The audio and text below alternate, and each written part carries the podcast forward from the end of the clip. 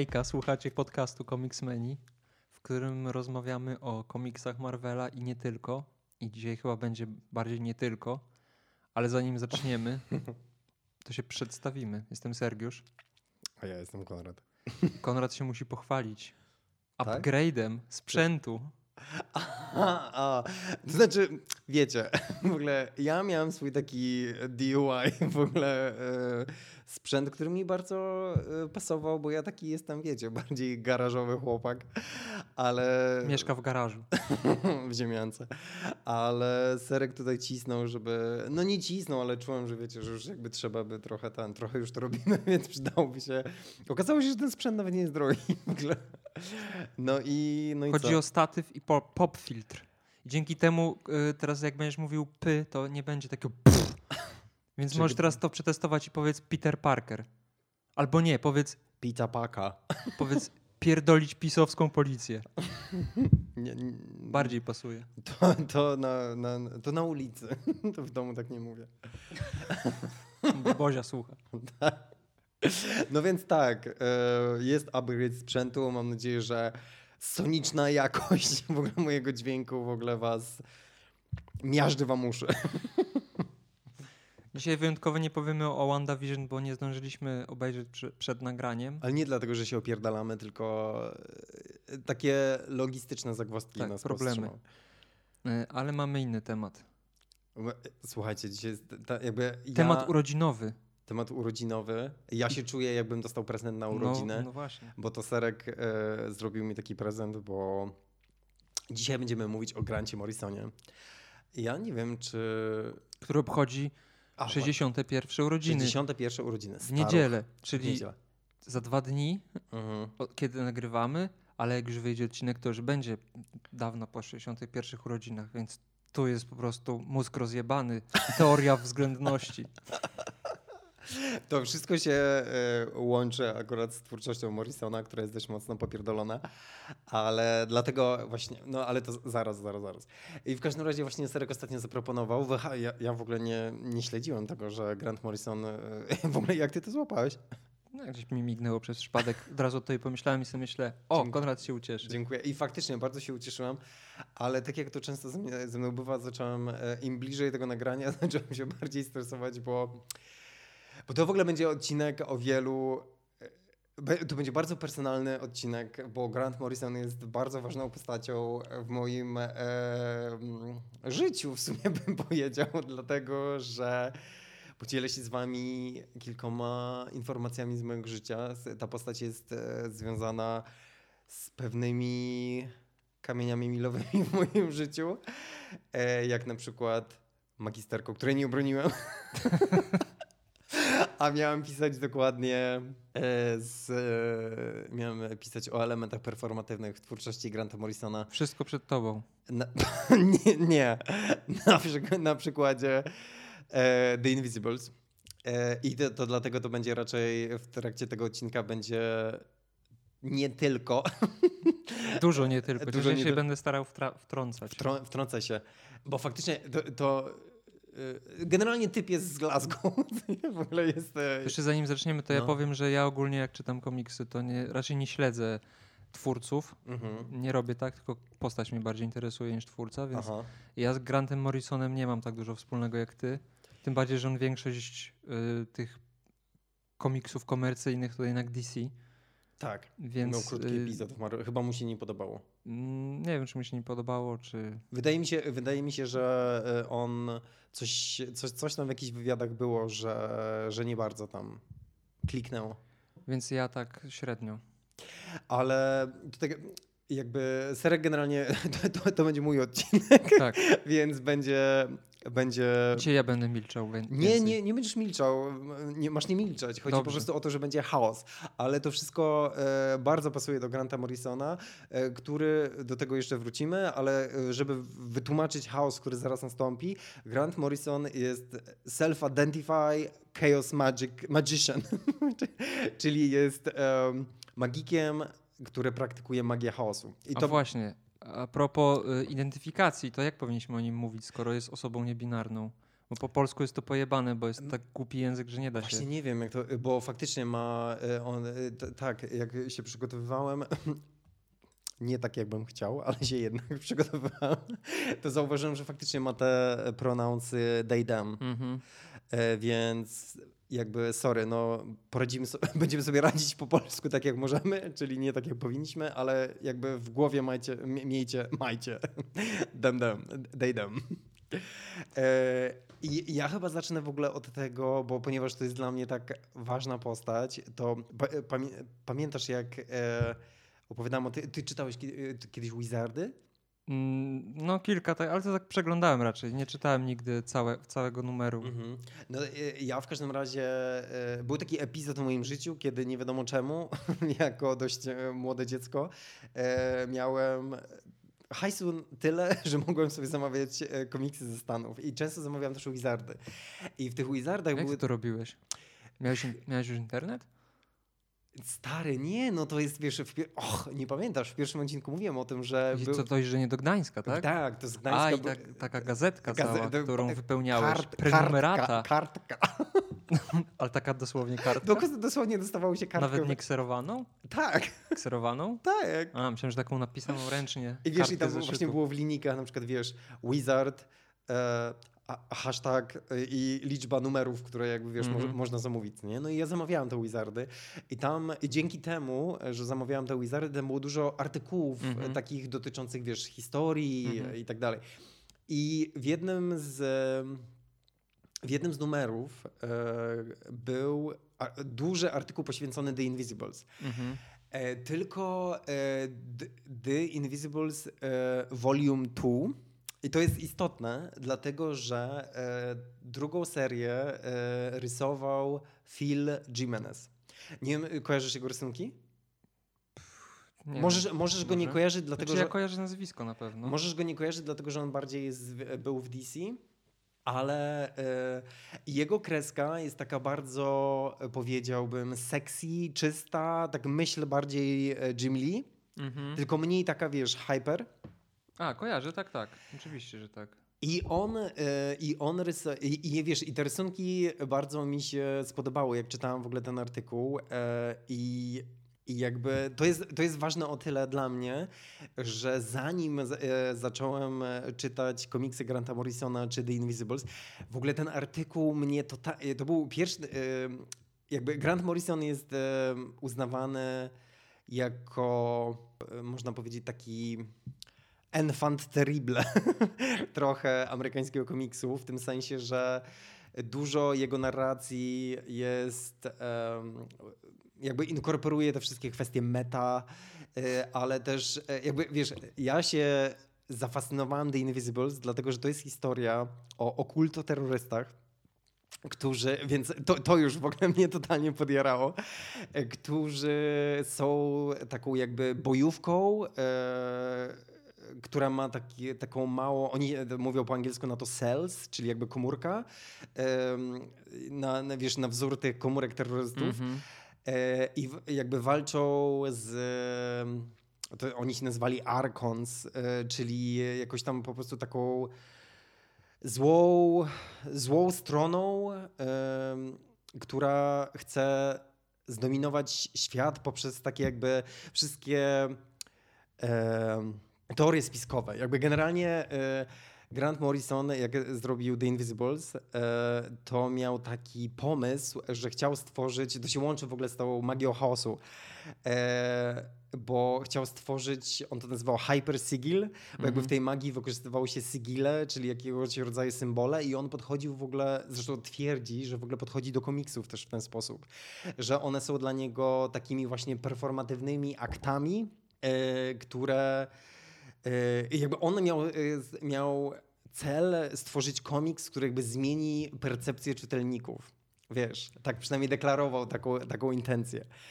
I, I faktycznie było tak, że jak ja czytałem w ogóle, wiesz, tą historię o The Invisibles, To, po- zmienił twoją percepcję. zmienił moją percepcję. Ja w ogóle byłem zafascynowany tym, bo wiesz, do tej pory czytałem, wiesz, X-Men, Generation X, jakby takie proper amerykańskie, e, amerykańskie komiksy.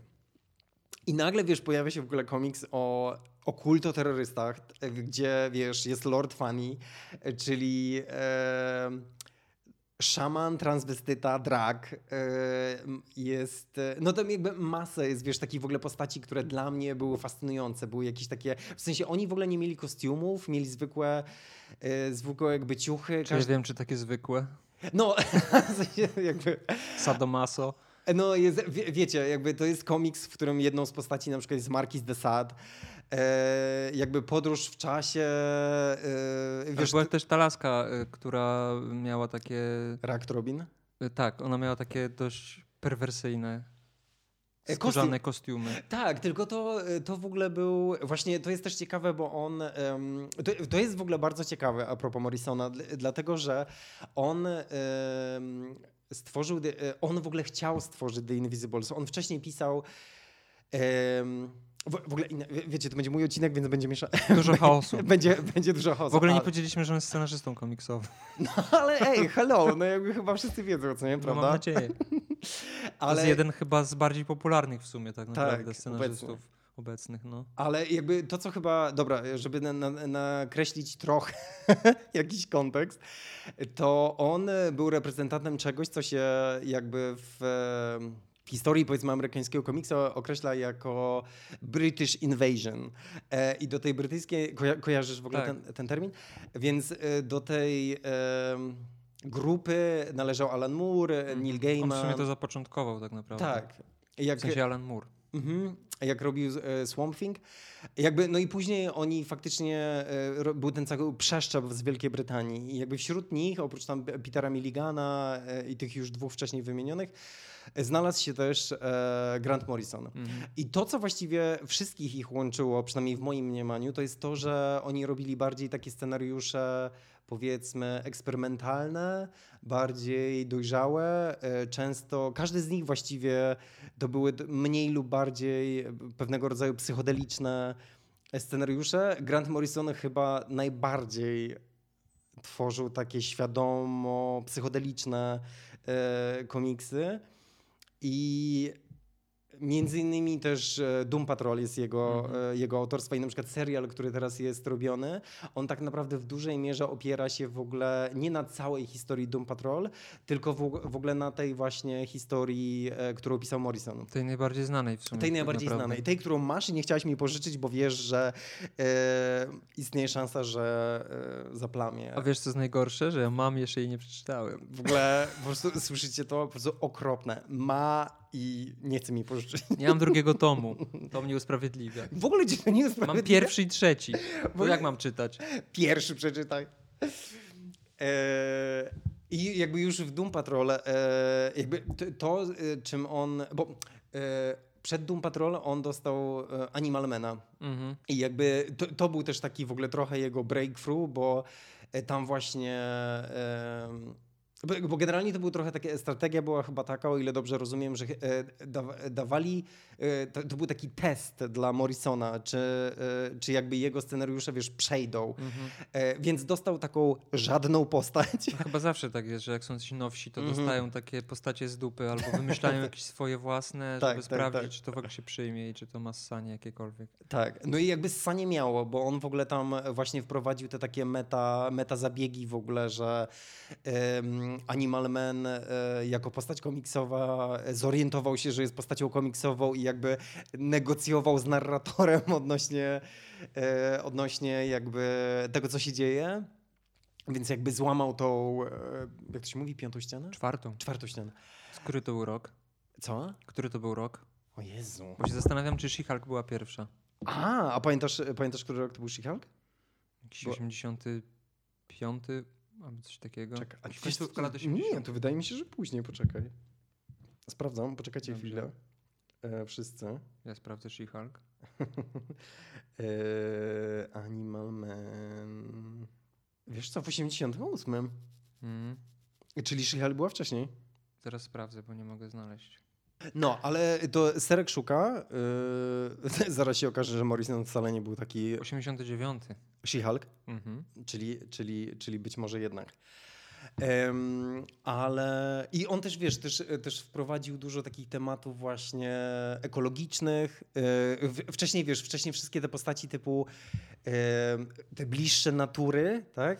E, Bardziej, wiesz, miały te takie, powiedzmy, kierunek animalistyczny, Mhm. a właśnie ci autorzy, ta brytyjska inwazja, oni właśnie wprowadzili takie bardziej polityczne, społeczne, bardziej takie wyartykułowane em, kwestie. Znaczy w ogóle ja mam takie wrażenie, że jak czytam tych brytyjskich y, scenarzystów, Aha. którzy piszą te wszystkie komercyjne komiksy, to mam wrażenie, jakbym czytał jedną osobę trochę, Aha. bo bardzo od razu da się to wyczuć, że to, że to nie jest Amerykanin, bo zawsze jest taka silna krytyka amerykańskiej kultury, stylu Aha. życia i w ogóle podejścia do świata.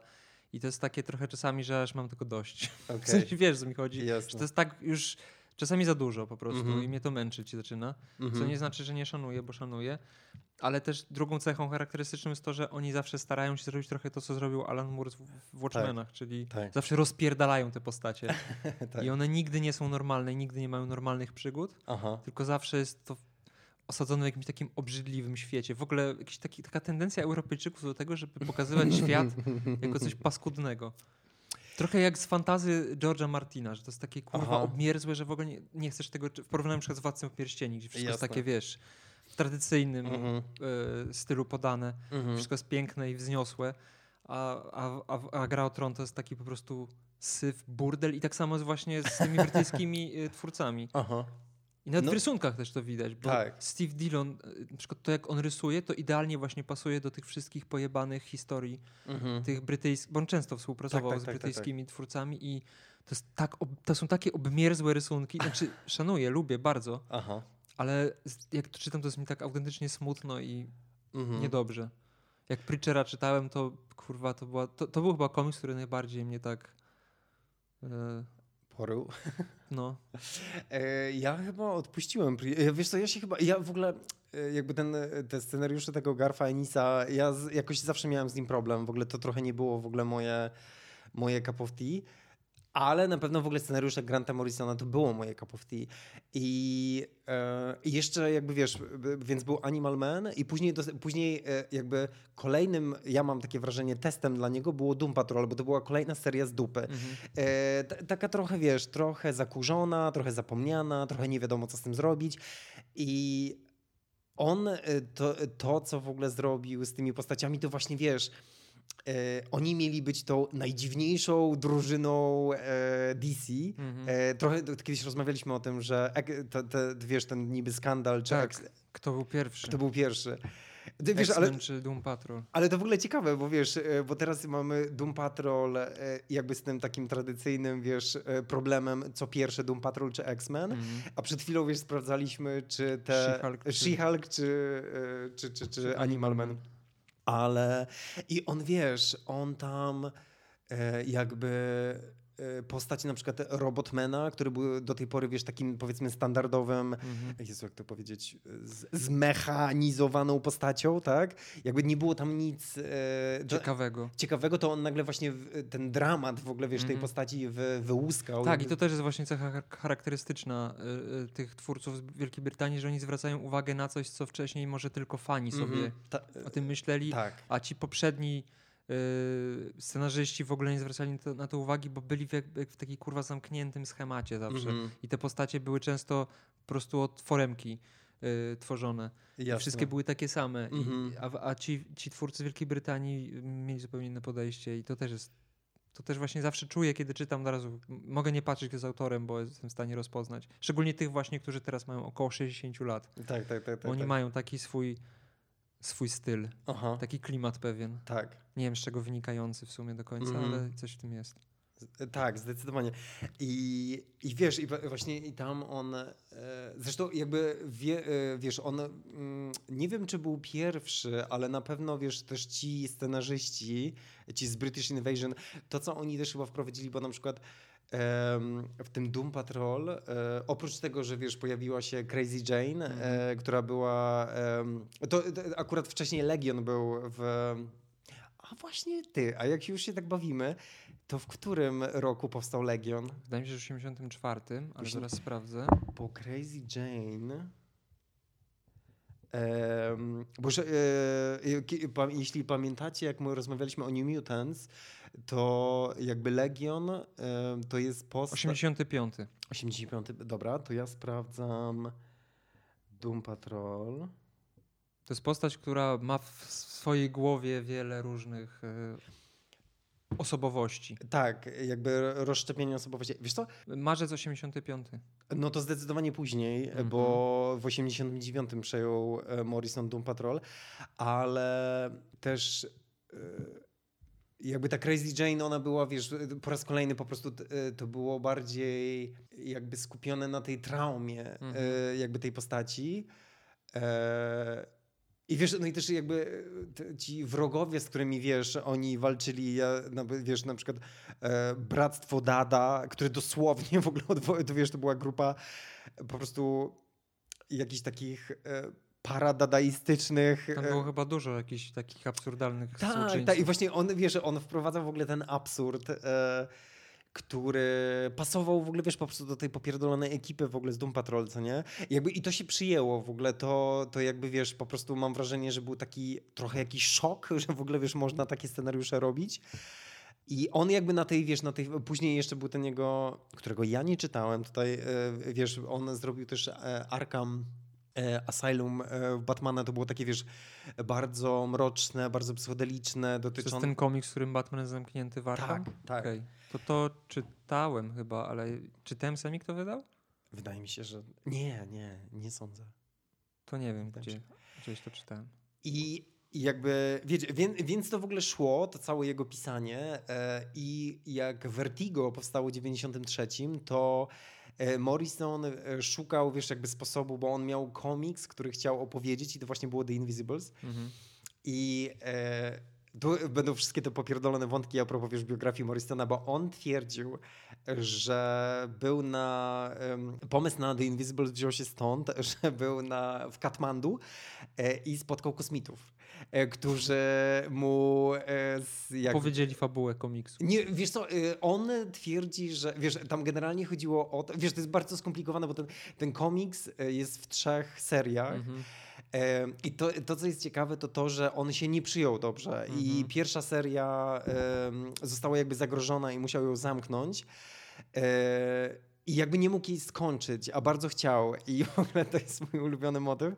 Bo jakby wiecie, w ogóle ten, tak jak wcześniej opowiadałem, e, tam było dużo, wiesz, mega takich popierdolonych wątków, też bardzo mrocznych, bo cała ta ekipa, e, wiesz, e, tej, e, tam właśnie ta Rack Robin, która w ogóle...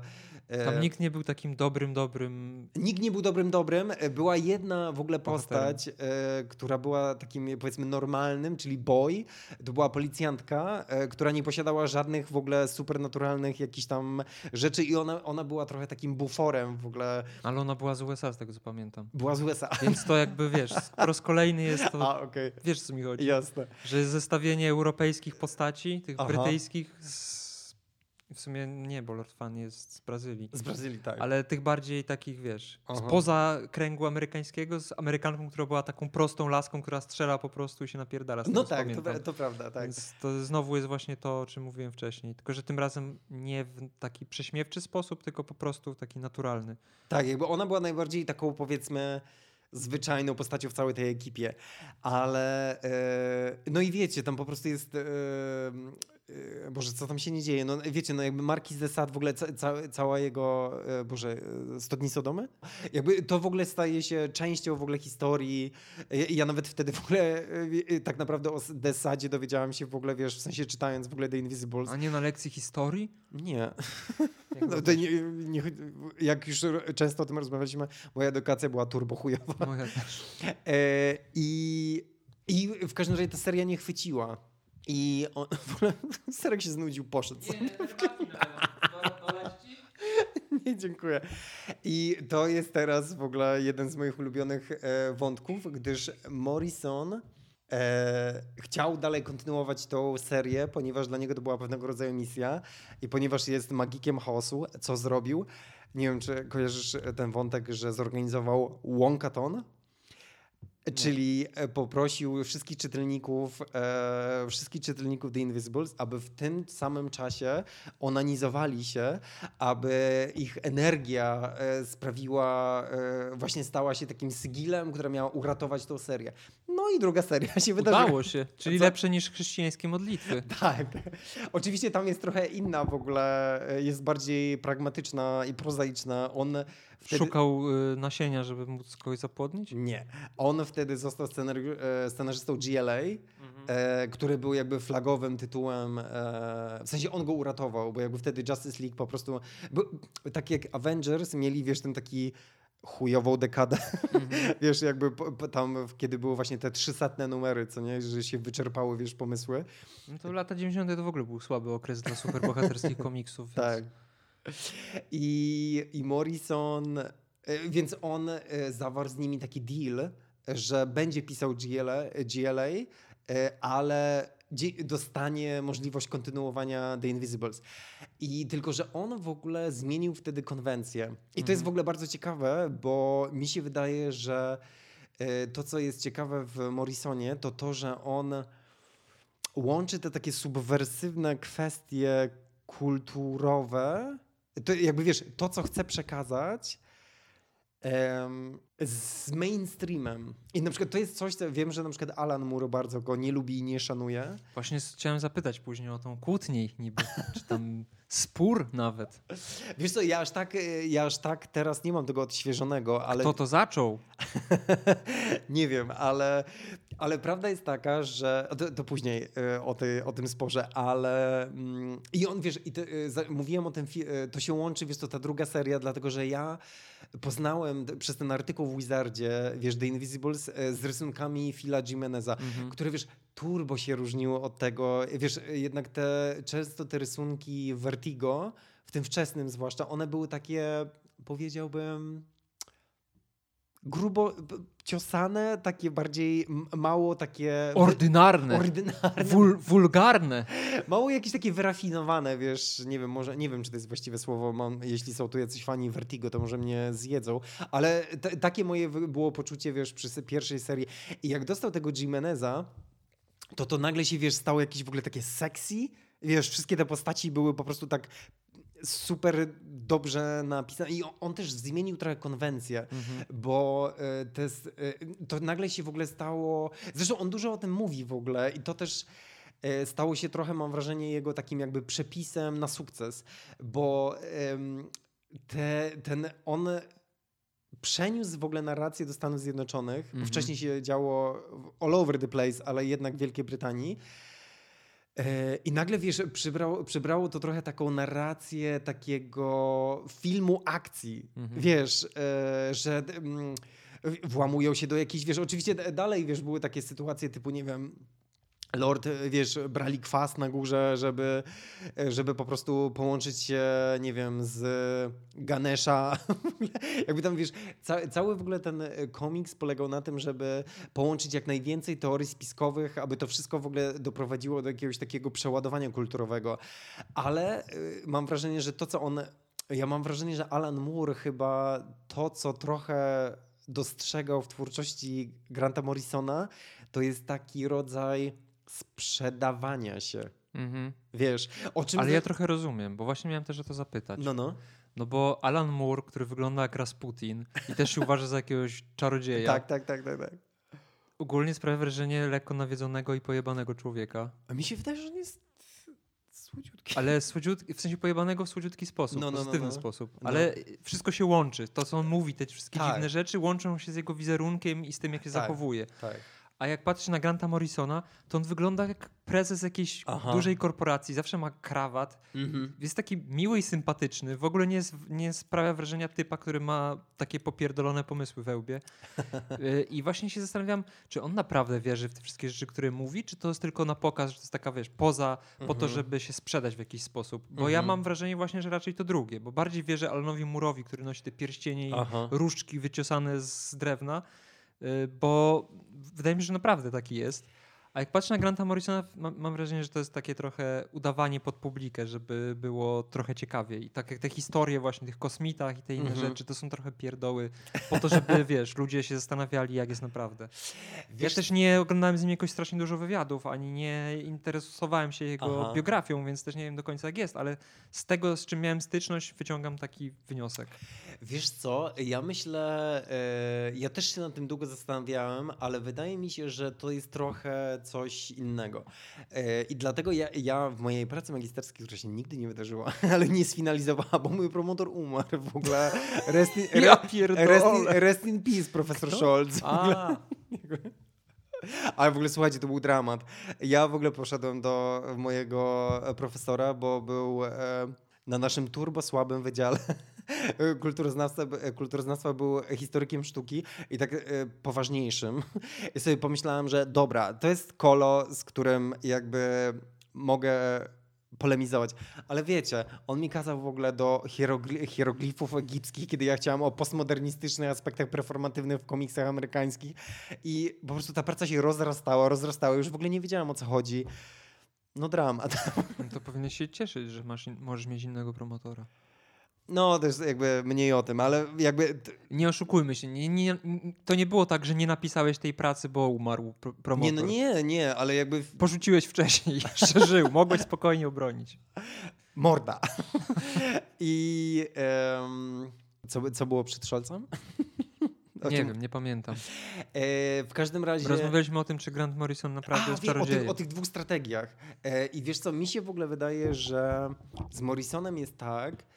Ja też trochę chciałam o tym pisać, wiesz, i on też mówi do tym, o tym dość otwarcie, że on, że jego postać, e, która jest w pewnym sensie zbudowana na pewnym paradoksie, bo tak jak mówisz, na przykład jak, jak się patrzy na Alana Mura, to się wszystko zgadza. Mhm. A on właśnie nie. I to jest trochę coś, z czym on się w ogóle bawi. I ja mam wrażenie, że jakby, że na przykład e, e, w ogóle to są też dwie różne strategie artystyczne, bo na przykład Morrison, Alan Moore, on też miał powiedzmy próby takiej main- mainstreamowej pracy, bo Mhm. na przykład wiesz, on pamiętam pisał Wildcats, Mhm. wiesz, Image. No kurwa, no już jakby wiesz, to był ten moment, kiedy wiesz, e, kiedy Image było jakby top top, co nie? Kiedy wystartowali i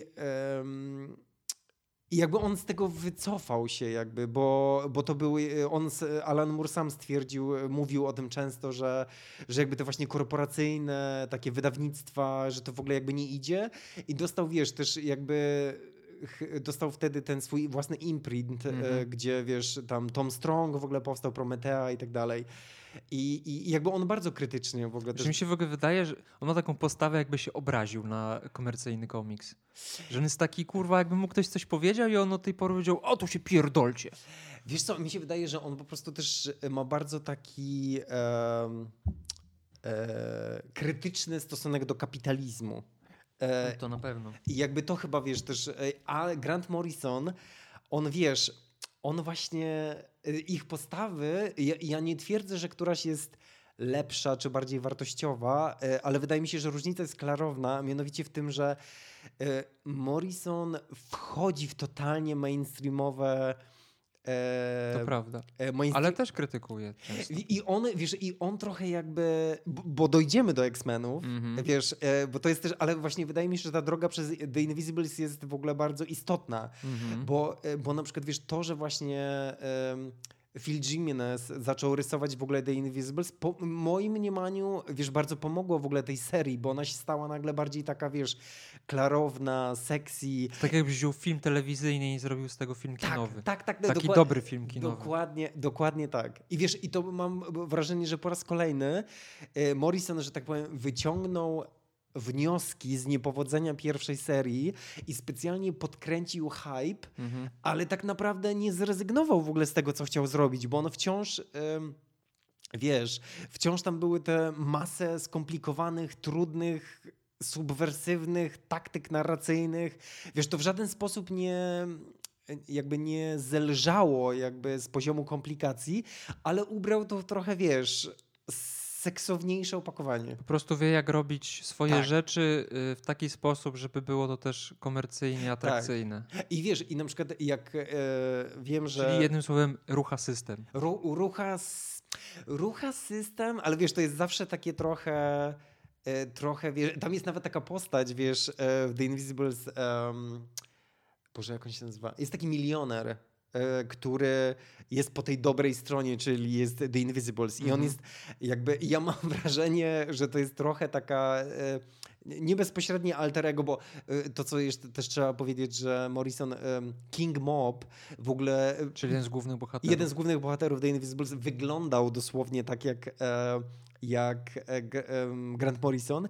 Co więcej, e, Morrison w tych swoich, wiesz, e, paralelach meta scenariuszowych Mhm. była taka scena w pierwszej serii, kiedy King Mob był torturowany i kiedy zaczął ją pisać, e, zaczął chorować.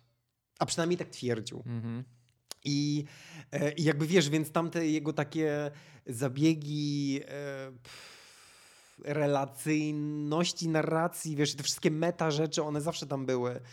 I, ale to, co jest istotne, to, że on, wiesz, jednocześnie robiąc The Invisibles, na pewno to, co mu pomogło, to, że GLA stało się w ogóle jednym z top selling w ogóle komiksów i on tak naprawdę uratował tą serię, bo wiesz, nagle on wrócił w ogóle do tego, e, z jednej strony odświeżył, trochę coś takiego, on, wiesz, e, wprowadził jakby, zaczął te postaci GLA, czyli jakby flagow, flagowej drużyny em, DC, tak jak Avengers w, w Marvelu, Mhm. on wprowadził trochę taką koncepcję panteonu bogów.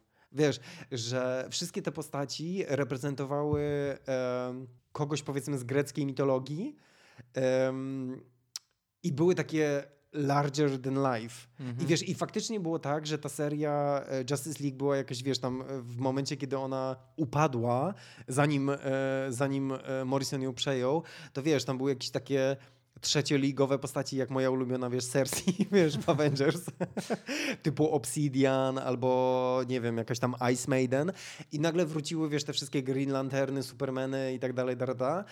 i on totalnie, wiesz, uratował w ogóle tą serię, y, robiąc z niej top-selling materiał. Mhm. I wiesz, i to na pewno pomogło w ogóle The Invisibles przetrwać, bo po prostu, wiesz, kaching, co nie? Mhm. Mhm.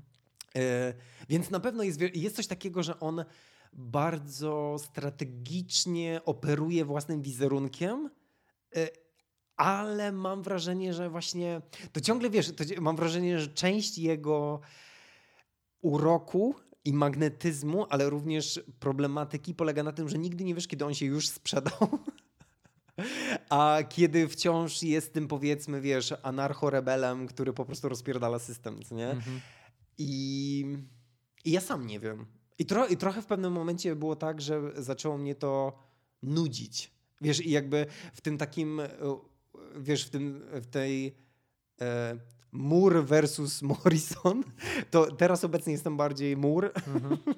bo jakby właśnie te takie, wiesz, zabiegi wizerunkowe Morrisona wydają mi się takie mocno PR-owe, aczkolwiek wciąż jego narracje w ogóle są dla mnie bardzo interesujące.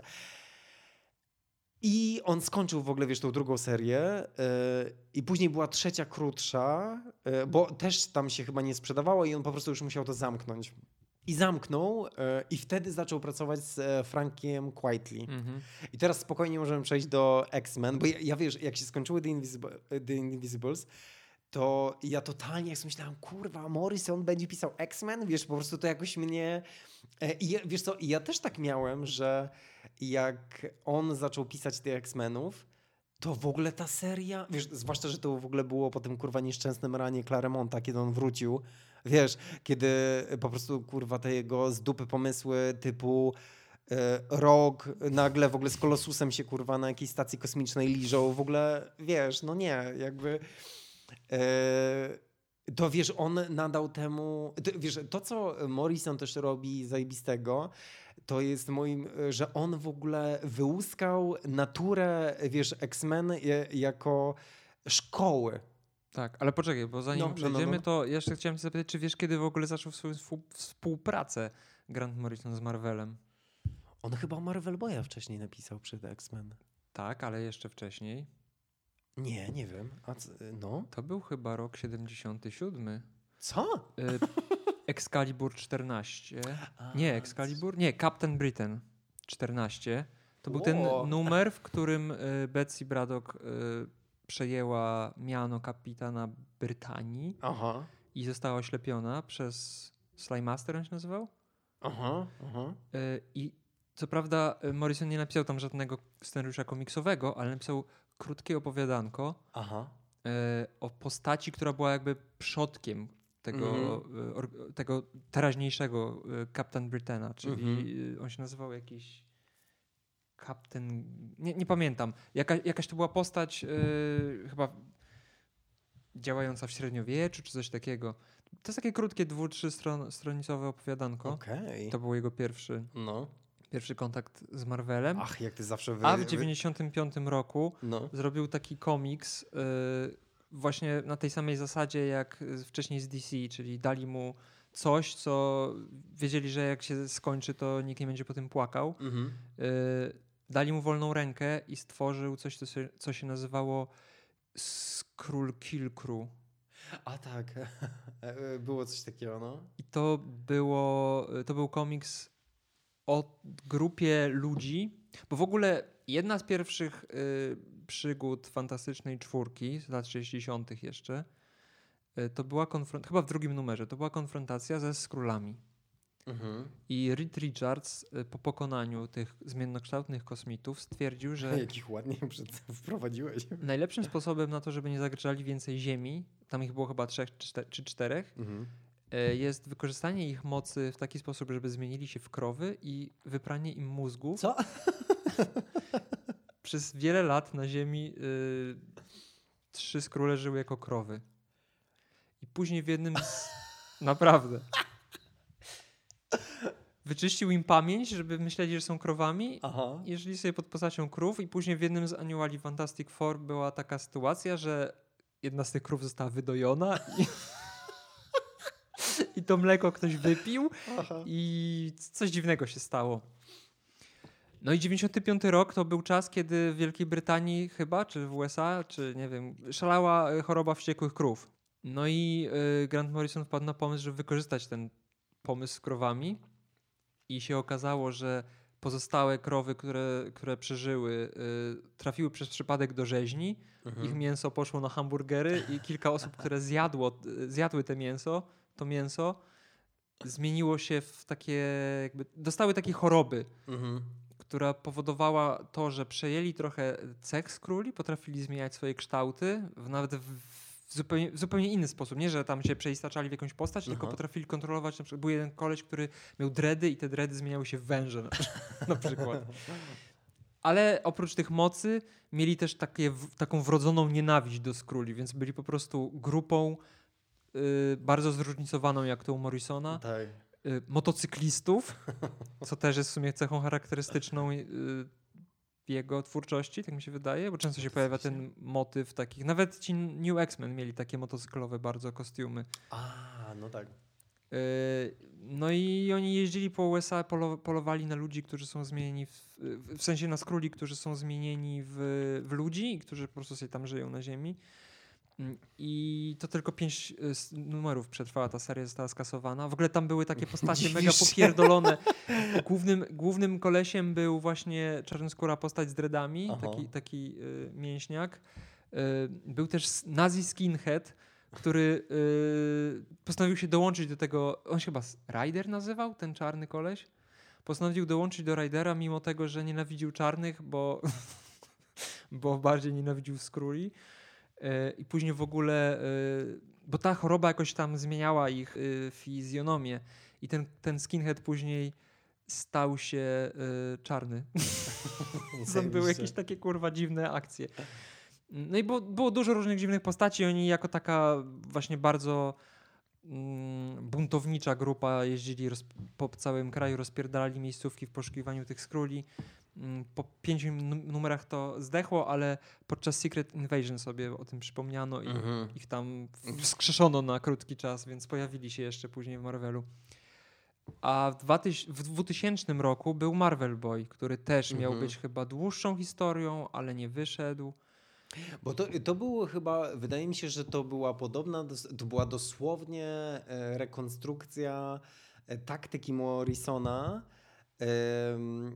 który jakby e, pisząc GLA e, zawarł z nimi deal, że będzie mógł zrobić e, The Invisibles i jak był w Marvelu, to może przekłamuję, ale tak wydaje mi się, że tak było, że ponieważ robił New X-Men, Mhm. to dostał Marvel Boya. Nie, Marvel był, był wcześniej. Okej. Najpierw był ten y, Kill Squad, czy Aha. Kill Crew. Później był 5 lat później Marvel Boy, który też chyba miał 6 tylko numerów. Chyba pięć, tak. skończył. No. Mimo tego, że w ostatnim numerze jest zapowiedź, że będzie ciąg dalszy, którego nie było. Mhm. Y, I dopiero byli New X-Men w 2001 roku. Znaczy one być może się zazębiały, w sensie Marvel Boy zazębiał się z New X-Men, bo to jakoś było tak, wiesz, nie wiem Mhm. dokładnie kiedy on wyszedł, Y, ale dostał to po tych dwóch Mhm. takich dość niszowych i mało znanych komiksach. No, no. I wiesz, e, tak wracając, możemy? Tak, proszę bardzo, to był mój wiesz, wtrąd. E, Trend? ty- e, Co? Wtrąd, wtręt? Nie, ale to super, w ogóle zajebiste.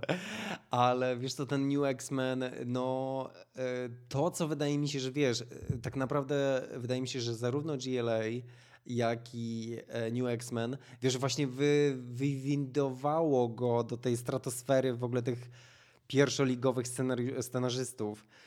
Bo e, wydaje mi się, że właśnie wtedy X-Men, wiesz, mieli tak, e, ponieważ wrócił ten Claremont i robił takie smuty i wiesz, odgrzewał takie stare kotlety i to w ogóle wszystko było takie jakieś w ogóle... W stronę tej swojej opery mydlanej. Tak, tak, tak, tak, tak, tak.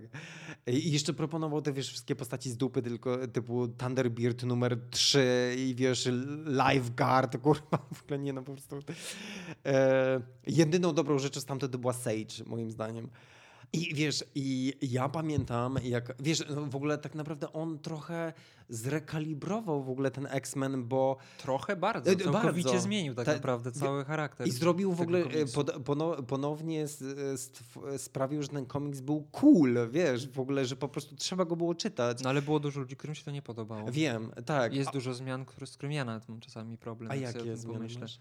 No na przykład związek y, Cyclopsa z Jean Grey, który się rozpadł przez Emmę Frost. Kurczę, Albo nowy wygląd Beasta, który do tej pory mi się nie bardzo podoba i No tak, no wolę jak wraca do tej małpiej postaci Aha. niż, tej, ni- niż jak jest tym kotem. to prawda, ale wiesz co, e, ja o ile, ja też tak miałem, że faktycznie tak sobie, wiesz, tak się przyzwyczaiłem w ogóle do tej em, dynamiki, wiesz, Jean Grey, em, To po prostu była taka stałość, która została zniszczona. Ale wiesz co, ja, mi to w ogóle jakoś odświeżyło te postaci. One się w ogóle, wiesz, nagle stały dla mnie w ogóle ciekawe. Wiesz, w ogóle po pierwsze Emma Frost, on wiesz, e, on zrobił z niej tak naprawdę, e, ona oczywiście miała swoją pozycję wśród tych w ogóle postaci. Trochę nie chce mi się rozmawiać w ogóle o tym epizodzie, kiedy kurwa z Icemanem coś tam w ogóle sobie, to, to było troszeczkę w ogóle... Przede wszystkim wprowadził Emmę Frost jako superbohaterkę. Ale wiesz, taką w Taką- ogóle high level, Tak, tak. Że, że ona weszła w ogóle jakby powiedzmy do tego kanonu w ogóle tych priorytetowych postaci. W tym momencie jest po prostu kimś oczywistym, jeżeli aż chodzi o aż nawet bym powiedział, że trochę... Za bardzo. Za bardzo. E, I... I wiesz, i na przykład to, co totalnie, wiesz, ja uważam, że on w ogóle, w, wkurwiło mnie to, że zabił w ogóle Jean Grey, bo już po Mhm. prostu, wiesz, Po raz 50. po raz 50 w ogóle już mam ochotę, kurwa, żeby jej nie zabijali. W ogóle po pierwsze, bo to jest jedna z moich ulubionych postaci, ale po drugie, no ileż kurwa można, co nie? Laska jest turbo, e, turbo potężna i ciągle umiera. Dla mnie to... Ja, ja w ogóle, wiesz, zawsze miałam takie pragnienie, to przyznaję się teraz przed wszystkim, żeby w ogóle Jean Grey nie była kurwa przy dopasku Cyclopsa, tylko żeby kurwa ogarniała sprawy. I wiesz, i w tym komiksie to wreszcie e, się jakby za, w trakcie tego ranu w ogóle Morrisona, ja miałam wrażenie, że to ona w ogóle, wiesz, Po raz E, pierwszy, no. tak, masz i wiesz, rację. i to było zajebiste. Wiesz, ja miałem wrażenie właśnie, że on e, w pewnym sensie, tak jak wiesz, tak jak stwo stworzył dla współczesnych czasów e, M. Frost, Mhm. to tak samo e, trochę zrobił, wiesz, Jean Grey. W sensie on w ogóle trochę skomplikował te postaci, wiesz, trochę w inny sposób. Właśnie o tym mówiłem wcześniej. No, no, no, jak no. mówiłem, że nie, że rozwalają trochę, w sensie dekonstruują, ładniej Tak. mówiąc, e, tych klasycznych e, bohaterów, to jeszcze patrzą na takie rzeczy, takie aspekty tych postaci, na, który, na które wcześniejsi twórcy się nie wiem, bali spojrzeć, nie chcieli, bo Mhm. uważali, że to jest i tak tylko bajeczka dla dzieci. Wiesz, co mi chodzi? Tak. Wychodzi poza taki schemat, że to musi być jak w serialu animowanym dla dwunastolatków. Ale też e, akurat, wiesz to Morrison ma w ogóle coś takiego, e, że on czasami go ponosi jego chęć do e, wrzucania zbyt wielu konceptów i moim zdaniem Które nie mają rozwiązania. które nie mają rozwiązania i też zatraca jakby rozwój postaci na rzecz, e, na rzecz w ogóle bawienia się, wiesz, swoimi e, konceptami. I na przykład pamiętam, jak była ta kwestia e, i to, i to jest w ogóle, to jest coś, co jest w ogóle dla niego bardzo, mam wrażenie, charakterystyczne. I, a najmocniej to właśnie odczułem, jak, jak pisał X-Men, wiesz? Bo co prawda jakby w GLA też się zdarzają w ogóle takie rzeczy, ale na przykład pamiętam, jak em, pojawiła się ta e, Imperial Guard Shi'ar, Mhm. e, w trakcie tego New X-Men i on właśnie postanowił, mam wrażenie, tak przehypować różne takie koncepty tych niektórych w ogóle kosmitów, co było w ogóle jakby bardzo ciekawe, ale w pewnym momencie cały dramatyzm historii poszedł się pierdolić, bo wiesz, to było dla niego jak taka piaskownica w ogóle z jego pomysłami. Mhm. Ja, I wiesz, i to jest coś, co w ogóle jemu towarzyszy w ogóle i na To przykład... prawda. I stąd też ten chaos Tak, w, tak, tych, w tych jego historiach. Tak. Bo I, pewne rzeczy zacznie, których później nie kończy, albo idzie w jakimś dziwnym, sam się zapędza w, tak. w kozi róg. Tak. Wiesz, to mi na przykład, e, to jest mocne nadużycie, ale mam wrażenie, że na przykład w serialach e, ekwiwalentem e, czegoś takiego jest na przykład seriale Ryana Murphy. Wiesz, ten, który robi na przykład American Horror Story i tak dalej. Albo, albo Lost. Nie no, jakby tutaj bym, wiesz, e, tutaj bym, to jest grubszy temat, ale wiesz, w tym sensie właśnie, że masz super zajebisty początek, Mhm. wiesz, który cię łapie i na przykład w tym sensie dla mnie Alan Moore wygrywa, Mhm. bo on jednak ma takie bardziej stonowane... jakby- Wszystko jest przemyślane od Tak, początku do tak, końca. tak. Wie, wie, o czym chce opowiedzieć historię. Tak. Nie łapie się samych pomysłów, tylko ma Mhm. koncept Tak. gotowy, na, na podstawie którego buduje opowieść. Tak, A u Morrisona są w sumie fajne pomysły, które często są tylko atrakcyjne na pozór, a jak się zacznie w, to, w tym grzebać, to wychodzi trochę gówno. tak, dokładnie. Często. dokładnie. Plus o, jego dużym minusem jest to, że on ma tak popierdolone pomysły, że czasami trudno jest w ogóle zrozumieć o co chodzi. Ym, Okej, zgadzam się z tym, aczkolwiek, wiesz, to bo to chyba trochę... Znaczy jest to ciekawe, ale Mhm. podejrzewam, że dla wielu czytelników może być to problem. Nie, na pewno. Na pe- wiesz, y, na, pew- na pewno tak jest. em, ja zresztą wiesz, do, no, tylko widzisz, na przykład y, ja The Invisible czytałem wielokrotnie. Wiesz, w Mhm. ogóle wracam do tego ko- komiksu wielokrotnie. I muszę przyznać, że. Wiesz, bo on tam, on tam trochę robił coś takiego, że e, The Invisibles i wiesz, tam było dużo takich rzeczy, e, które, typu on, wiesz, e, że ta na przykład binarna opozycja dobro-zło, Mhm. że jakby cały ten komiks miał napra- tak naprawdę jakby opowiadać w ogóle o ewolucji ludzkości, w takim sensie, że my jesteśmy, wiesz, jako ludzkość zatrzymani w tych binarnych opozycjach. Mhm. I generalnie tam chodziło o to, żeby, wiesz, o transgresję, żeby jakby wyjść poza, e, poza te binarne opozycje. Mhm. I w sumie no wydaje mi się, że opowiadam o tym tylko dlatego, że o ile w The Invisibles wydaje mi się, że to kliknęło, ponieważ nie musiał tego wpisać w ramy mainstreamowego komiksu, to mam wrażenie, że kiedy wpisuje w ogóle, wiesz, on zresztą, wiesz, to jest... em, Wydaje mi się, że tak samo jak GLA, e, finish GLA był rozczarowujący, tak samo finish w ogóle New X-Men e, również dla mnie na przykład był, e, był rozczarowujący. Właśnie przez te, wiesz, jakieś takie przehypowanie konceptów, w ogóle takie nie, nie oddanie, że tak powiem, em, miejsca, właściwego miejsca postaciom.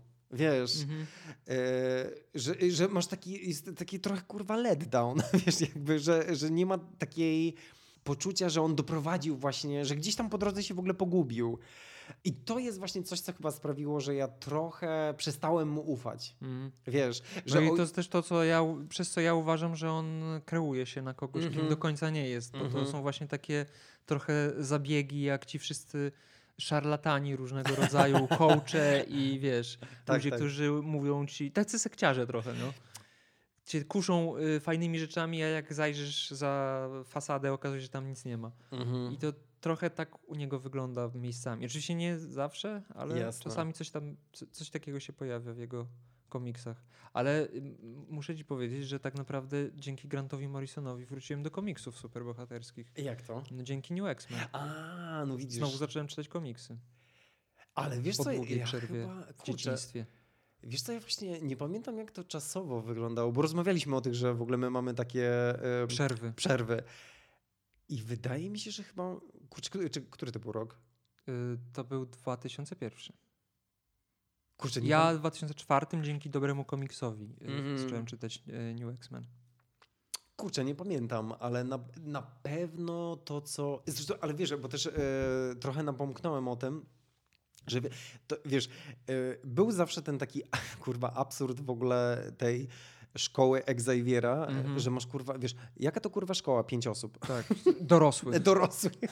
Szkoła polega na tym, że w, den- w Danger Roomie się napierdalają z hologramami. I wiesz, i nawet, e, nawet, że tak powiem, New Mutant, czy później Generation X. Herbatki.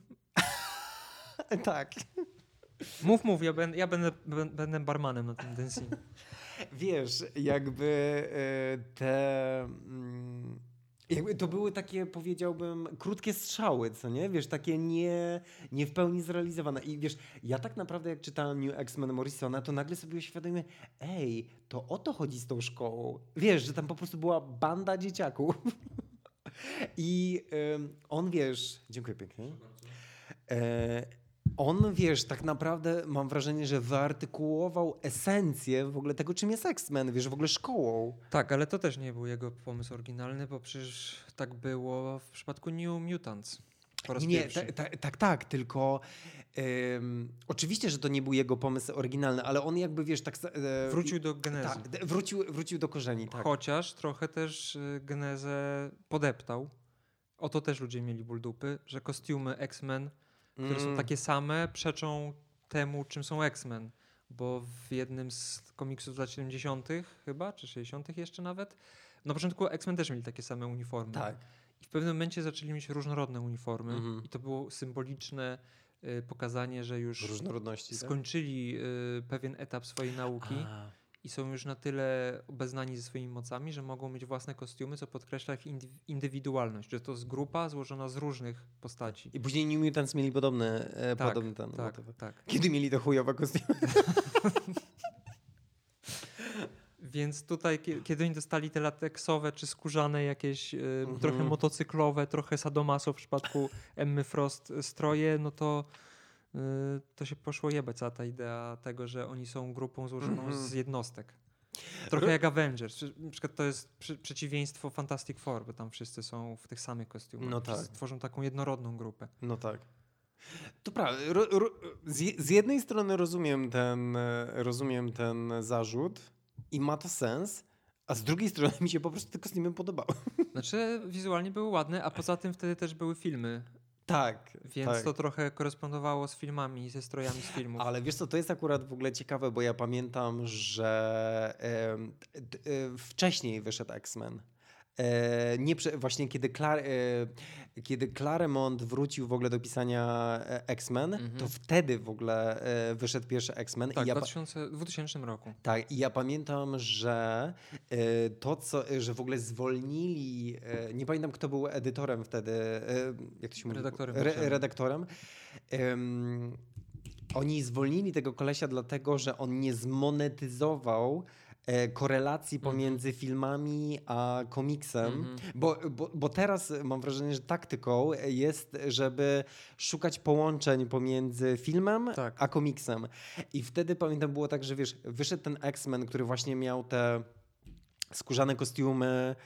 Yy, tam nawet nie było w ogóle tych postaci, wiesz, tam miałeś kurwa Psylocke, tego kurwa Thunderbirda, e, wiesz, że w ogóle nie można, nie było właściwie żadnych punktów stycznych, wiesz, pomiędzy historią w filmie, a w komiksie. One były bardzo odległe od siebie e, i, i jakby e, pamiętam, że właśnie był taki motyw, że zwolnili tego kolesia, bo on jakby nie załapał, że je, jeśli ym, mają przyjść nowi czytelnicy z filmu, to potrzebują jakiegoś bridge'u. Mhm. E, I wydaje mi się, że wiesz, że może zastanawiam się, bo w sumie nie wiem, czy to Quietly sam wpadł na taki pomysł, czy to jemu. A czy przypadkiem nie było tak, że Alex Ross zaprojektował takie kostiumy o wiele ładniejsze, ale może mniej y, w sumie superbohaterskie, bo one przypominały trochę szaty. Są takie niewykorzystane projekty, tylko właśnie nie wiem, czy to jest do New X-Men, czy do innej serii. Nie pamiętam. Poczekaj, zaraz poszukam. I wydaje mi się, że to było tak, że po prostu y, być może różni artyści projektowali różne kostiumy i w końcu stwierdzili, że te najbardziej filmowe trzeba zastosować, żeby właśnie była większa sprzedaż komiksu. Mhm. Wiesz co, bo ja tak właśnie sobie, ty sobie sprawdzaj, ale później tak na dobrą sprawę, bo jakby New X-Men to był jego koniec współpracy z Marvelem. Proszę bardzo. O wow, nice, nie widziałem tego. A to pamiętam. Wyglądają bardzo dobrze. No ale na przykład Cyclops w płaszczu z kapturem Super. jest taki, wiesz, mało, y, mało filmowe są te kostiumy. No tak, no tak. Tak, E- to był koniec współpracy, ale jeszcze, żeby później mi to nie uciekło, to, No. y, to jest też ciekawe, że Morrison tak krótko współpracował z Marvelem, bo później jeszcze miał w dwu- 2001 roku y, Fantastic Four. Fantastic Four. y, One, two, three, coś tam. One, two, three, four. No. To była miniseria, każdy numer był poświęcony y, innemu mm, członkowi Członku, grupy. mhm. Nie wiem, czy czytałeś, czy nie. Mm-mm. Y, Ale, ja ale to było, nie. wie, A- wiesz dlaczego nie? No. Dlatego, że już chyba to kiedyś mówiłem, że ja generalnie totalnie nie kupuję w ogóle tej całej e, kurwa konwencji, w ogóle tej atomowej rodziny. Ja też tak mam, ale jak czytam y, po kolei i byłem w okresie, kiedy Baxter Building został zniszczony, czy tam coś się z nim stało i Fantastic Four zamieszkali u Avengers i się Aha. pojawiali gościnnie i czasami były crossovery, w sensie wiesz, wydarzenia z Avengers, ciąg dalszy był Fantastic Four i jak sobie poczytałem te komiksy z końca lat 80., to wtedy stwierdziłem, że hmm, może, może się kiedyś skuszę na Fantastic Four od początku. Jezu. Ale Tyle, to- tyle powiem. E, e, więc Chciałeś coś? tak, y, stworzył jeszcze tą, tą, fantastyczną czwórkę, ale mimo tego, że właśnie tak naprawdę to było kilka komiksów Mhm. i tylko kilka lat, to stworzył bardzo dużo postaci, które działają do tej pory i są, Tak? no, Na przykład? no na przykład Phantomex. A, mówisz o X-Men. nie, Tak, no tak, tak. tak. Jakby... Y, te klony Emmy Frost. Go, kukułki. go, go, go, Stepford Cuckoos. Tak, Stepford Cuckoos. Y, Big Angel Quentin Choir? Quire też, też był jego postacią. Cassandra Nowa. Cassandra Nowa. Nowa, nowa y, dość ważna Totalnie. Nie, on w ogóle wie, że on Wild właśnie... Sentinels przecież, cały ten koncept. W ogóle no, to, co z Magneto, też... tak. to, co z Magneto zrobił. I Zorn, co było, to akurat był zjebany nie, wątek. nie poszło. E, Ale w ogóle to, to, że e, tam niby Magneto umarł i stał się takim Che Guevarą mutantów, to było akurat super. Tak. To są właśnie te momenty, w których wykorzystuje, w których Morrison wykorzystuje popkulturę i Mhm. łączy to w taki dobry sposób. Tak. Czasami, na przykład w tym Marvel Boyu była krytyka e, kapitalizmu, Mhm. ale ona była tak prostacka, że moim zdaniem, nie wiem, czytałeś ten komiks? Czytałem, ale nic tam w ogóle dla mnie nie kliknęło. Ten, Poza- On był tak kurwa na kolanie pisany, tak, Tak, tam nie było jakiejś e, większej Tylko, sensu. że to, e, o ile te chyba- rysunki chyba robił J.G. Jones, tak mi się wydaje, Mhm. e, ten, który robił też do Black Widow. Tak. Ja w ogóle bardzo wtedy lubiłem w ogóle jego rysunki. I jakby ta strona wizualna mi się podobała, ale sam komiks nie, no w Sama ogóle... była słaba y, i był taki jeden numer kompletnie z dupy, oderwany od całej historii, w którym pojawiła się korporacja z innego wymiaru. Korporacja. Y, to, był taki, to była taka krytyka korporacyjnego Tak, tak, systemu. Nie? I oni tam w ciągu miesiąca cały świat opanowali i y, sposobem na pokonanie ich było przekazanie y, ich wszystkich tajnych planów, strategii, innych pierdół konkurencji. I dosłownie Marvel Boy wysłał plany tej międzywymiarowej korporacji McDonaldowi, Sony i dzięki temu ich pokonał. Z jednej strony niby śmieszne, ale z drugiej strony takie bardzo, bardzo prostacka y, alegoria. Ale wiesz, no przecież te, tak samo było i y, zarzut na przykład do końcówki GLA był podobny, dlatego że mm, tam wiesz, przez całą tą serię, on pisał to chyba przez 40 zeszytów, było widmo przyjścia czegoś, co tam się nazywało Megadon, -hmm. wiesz, e, które miał być właśnie to jakiś tam prabóg, w ogóle, nie, to była jakaś e, pierwsza broń, wiesz, która miała, ona generalnie im bliżej się zbliżała do Ziemi, ludzie e, tracili zmysły, wiesz, w ogóle jakieś negatywne impulsy w nich się odzywały e, i jakby jego, pomysł był taki, że e, wszyscy wszyscy mieszkańcy Ziemi dostali, e, otrzymali jakieś supermoce i cała Ziemia napierdalała się z tym Megadonem, mm co mhm. nie?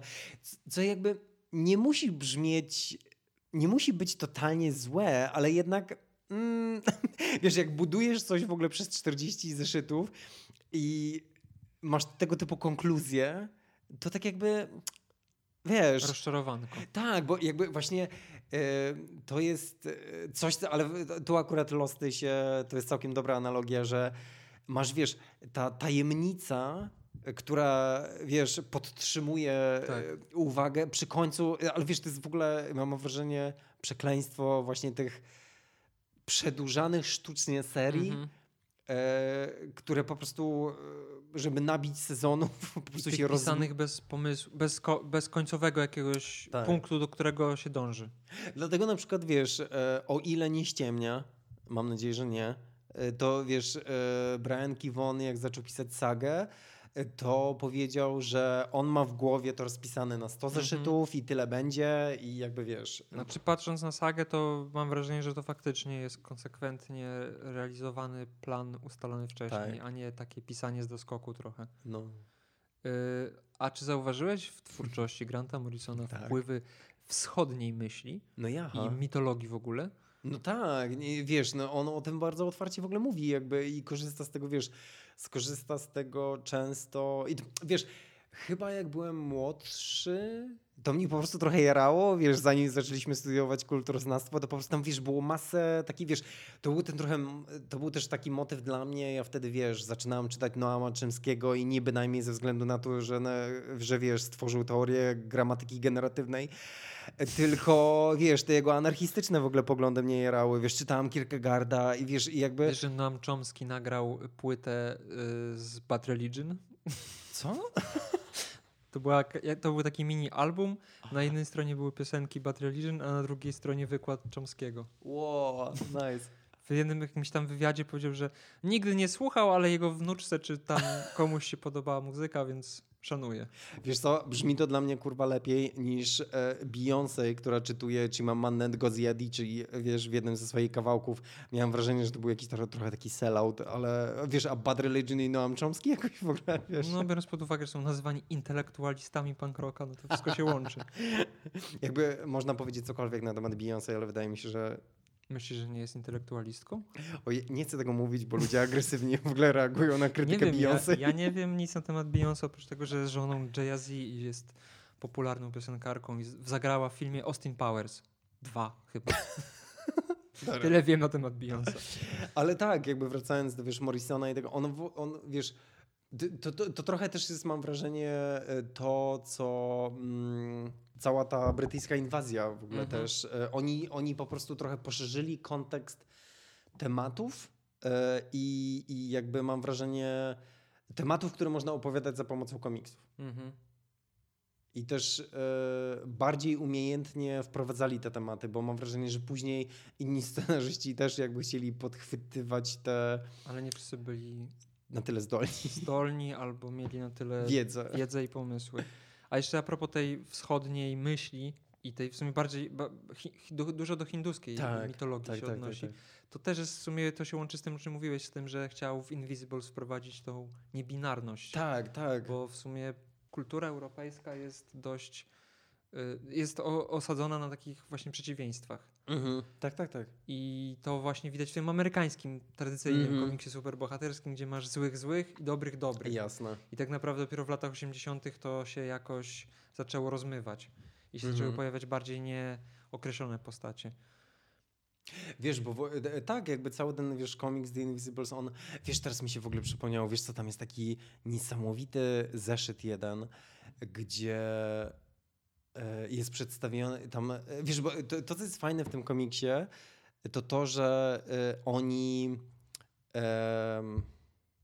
walczą i, czy, wiesz, są oczywiście sceny, gdzie na przykład kogoś mordują, Mhm. ale na przykład Morrison, on podejmuje dialog na ten temat. I jest jeden taki zeszyt, gdzie e, zginął, taki w ogóle, wiesz, jakaś taka prozaiczna postać typu, jak wiesz, są ci, e, jak się nazywają ci e, najemnicy Hellfire Club z tymi maskami. Wiesz o co chodzi? Mhm.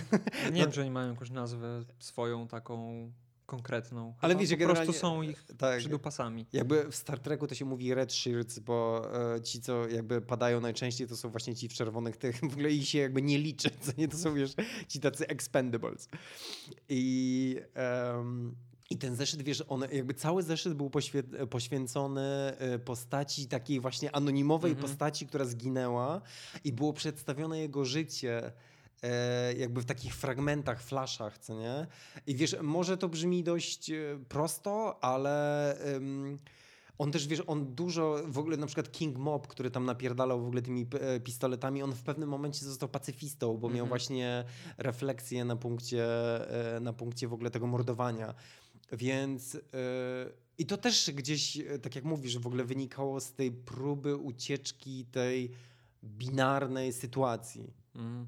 A propos King Moba, myślisz, że profesor X i Cassandra Nowa byli y, alterego Morrisona, w- jeżeli chodzi o X-Men? Hmm. Wiesz co? Jeśli miałbym podążyć w ogóle za Twoim pytaniem, to sobie wyobrażałbym w ten sposób, że o ile King Mob był trochę takim rodzajem. Zresztą wiesz, Morrison w ogóle o tym mówił wprost, że on trochę spełniał takie swoje egoistyczne zachcianki, że wiesz, że King Mob był trochę takim hiperagentem, wiesz, w ogóle. Mm, I jak sobie teraz myślę, wiesz, o Kassandrze Nowie, e, nowej, nie wiem, Kassandrze i e, profesorze X, to tak sobie myślę, że to mogły być takie, wiesz, właśnie jakby dwie strony tej samej monety Morrisona. Mhm. Wiesz, jakby trochę, trochę bym myślał o tym w ten sposób. A co? Nie no, tak, ja, ja, ja tak pomyślałem sobie czytając, w sensie do, jak kiedy się dowiedziałem, że King Mob jest jego alterego i on o tym otwarcie mówił, No, no. to od razu mi się tak skojarzyło, że właśnie w podobnym kierunku co ty poszedłem, że, że może bardziej nie profesor X, tylko Cassandra Nowa jest jego alterego właśnie, że tym razem swoje złe cechy jakby chciał Aha, w ten sposób Aha. wylać na scenariusz komiksowy. Wiesz co, to jeśli, jeśli mógłbym, nie wiem, jakby tro, trochę go czytając i, i tak dalej, to bym, wydaje mi się, że wiesz, że jednak to właśnie, że to mogły być, ponieważ wiesz, to były też bliźniaki i on, W ogóle to jest też wspaniała historia. Wspaniała historia, tak. Bliź, bliźniaki, y, może opowiedz. Y, Bo y, to jest motyw, że profesor X miał bliźniaczkę, która była jakimś, y, to, to, jak ona się nazywa? Mamuraj? Mu- Mumuraj? Coś, coś takiego. To jest, czyli była jakimś takim energetycznym pasoż- Psychicznym psy- bliźniakiem? jakby takim, jakby, to, to chyba był taki motyw, że y, jakby we wszechświecie istnieje y, jakby takie złe, energetyczne, psychiczne odbicie tej Mhm. postaci, i, ale to, co jest zajebiste w tej historii, to to, że profesor X próbował ją zajebać W łonie matki. w łonie matki. W ogóle i... w- Więc na czasie temat. o, wow. Dokonał O- aborcji O wow. własnej siostry. Ale to, co jest fajne w tej historii, i wiesz, właśnie to, to jest, wiesz, coś, co sprawia, że nie mogę w pełni, powiedzmy, odrzucić, wiesz, Morrisona z względu na te jego też płytkie ciągoty, Mhm. bo jednak, wiesz, e, t- n- t- ten cały wątek w ogóle, czy profesor X w ogóle jest spoko, czy nie, jakby on, wiesz, jakby sprawienie, że on w ogóle jako niemowlę w ogóle miał już jakieś takie predyspozycje do w ogóle jakichś takich autorytarnych, morderczych zapędów w ogóle ku- swojej narcystycznej w ogóle Tłumaczył się tym, że wyczuł jej negatywną energię. Jaha. Chciał po prostu powstrzymać ją przed narodzinami, żeby nie doszło do katastrofy. No w sumie niby tak, ale ja trochę, ja trochę, wiesz, ja przestałem wierzyć profesorowi X bardzo dawno No, temu. Tak, tak. Ym, A propos profesora X, kolejna rzecz, która przetrwała do dzisiaj, czyli to, że po raz pierwszy się przyznał publicznie do bycia mutantem tak. y, w czasach Morrisona. Ale ja w ogóle, wiesz co, mam wrażenie, że to było już tak long overdue, że to już wiesz, po prostu, że ja, ja miałem taki motyw, jak to czytałem, Mhm. że tak sobie myślę, nie no w ogóle, seriously? Wiecie, że, że to w ogóle jest jakiś wątek. Coś jeszcze miałem powiedzieć, zapomniałem. Nie wiem. No wiesz, to tak bywa chyba z Morrisonem. Chyba bo... tak. Ale wiesz co, ja chciałem powiedzieć, że ja bym w ogóle skończył na tym X-Men, wiesz, bo To jeszcze powiem a propos X-Men, że dzięki niemu powstały tak wspaniałe postacie jak No Girl, no girl, czyli mózg w słoiku, który to lata. cudowna. W ogóle to cała grupa loserów. Tak. W ogóle. I Negasonic Teenage Warhead, która A, teraz y, robi karierę dzięki filmom z Deadpoolem. Ale nie, sorry, tam jakby wiesz, to co oni z niej zrobili e, w porównaniu do materiału wyjściowego, to oryginału. no to nie. W No sensie, bo co, nie podoba ci się teraźniejsza wersja? nie Bo no, teraz w komiksach ona też funkcjonuje i Tak? wygląda A. tak jak w filmie. A, to nie, to ja, ja to Bo ona wróciła do życia, bo została chyba zabita? Nie, Nie pamiętam. Nie wiem, nie wiem. Tak, chyba wtedy jak Genosze rozwalił, rozwaliły Sentinelę, to ona zginęła. No, Ale później jakoś tam wróciła do życia i teraz wygląda ja- i zachowuje się jak postać z Deadpoola. okej. Nie no, jakby totalnie wprowadził, wiesz, masę, masę, No to był kamień milowy w historii X-Men. zdecydowanie, tak, że jakby to w ogóle I powiew świeżości. i powie świeżości, bo później pamiętam, że tego rodzaju sukcesem w moim mniemaniu było, kiedy Joss Whedon zaczął pisać w ogóle Astonishing To X-Men. zaraz w sumie po. Znaczy, Zaraz- No może nie zaraz, bo to chyba był 2004. Bo już, ja wiesz co, ja tak naprawdę e, czytać X-Men, żeby, żeby czytać z, Mhm. taki, z taką satysfakcją, to skończyłem na Widonie, bo później, e, później jakoś mam wrażenie, że już w ogóle te propozycje były takie, że to bardziej były takie próby znalezienia e, jakiejś, wiesz, e, mm, e, próby znalezienia sposobu ujęcia tej drużyny, e, które, której udało się zrobić Whedonowi i wcześniej Morrisonowi. Poza tym pamiętaj też, że w późniejszych latach, czyli 2000, w momencie kiedy MCU się pojawiło, to Mhm. trochę wygaszali X-Men. Mhm. To już mówiłem w jednym z odcinków, Tak. że był taki pan na czele Marvela, który po prostu nie, nie chciał, żeby y, komiksy z X-Men były popularne, żeby nie, nie robić dobrze konkurencji, czyli Mhm. Foxowi, który, który miał prawa do X-Men. Więc dlatego też ci X-Men byli tacy przez, albo byli jako, traktowani jako czarne charaktery, albo byli po prostu gdzieś tam zepchnięci na, na dalszy plan. Jasne. Ale teraz X-Men znowu wrócili do łask No dzięki tak. Jonathanowi Hickmanowi i te, temu, te, temu jego ranowi, który trwał od chyba 2018 czy wcześniej i który jest ciekawym podejściem do świata i też chyba do świata, do, do mitologii X-Men i też jest w sumie kamieniem milowym tak naprawdę, bo całkowicie zmienia drużynę, tak jak zrobił to Morrison 20 lat temu, ja pierdolę. Jak ten 20 czas temu. szybko leci. No. No tak, ale ja, ja, ja mam bardziej taki ambiwalentny stosunek do e, tego ranu Hickmana, ale to też w sumie nie mogę się wypowiadać, bo jakby wiesz, nie aż tak bardzo go nie. Ja też jakoś wszystkich numerów nie śledzę, ale ogólnie podoba mi się to, w jakim to kierunku idzie i jest to fajne. Y, W ogóle nasz słuchacz, Mister Ziemniak, Tak. y, poinformował nas w komentarzu, że jest głosowanie na stronie Marvela. Możesz sobie wybrać, który z X-Men ma dołączyć do nowego składu X-Men. Wysłałem ci linka, chcesz, możesz zagłosować. Zagłosuję, ale są proponowane opcje. Dzie- Tak, Dziękuję, tak, Mr. tak, Ziemniak. Ta, a jest Cecilia Reyes? Nie, Dlaczego? ja bym bardzo chciał, żeby Cecilia Reyes wróciła. ale Marrow chyba lubisz. Lubiłem, ale No. to wtedy, kiedy, kiedy Steve Seagal i Joe Kelly ją pisali. Bo później- lubisz? O, Forge Forge'a lubię. Polaris? Ja Ale- zagłosowałem na Polaris. Bo wiesz co, ja w ogóle.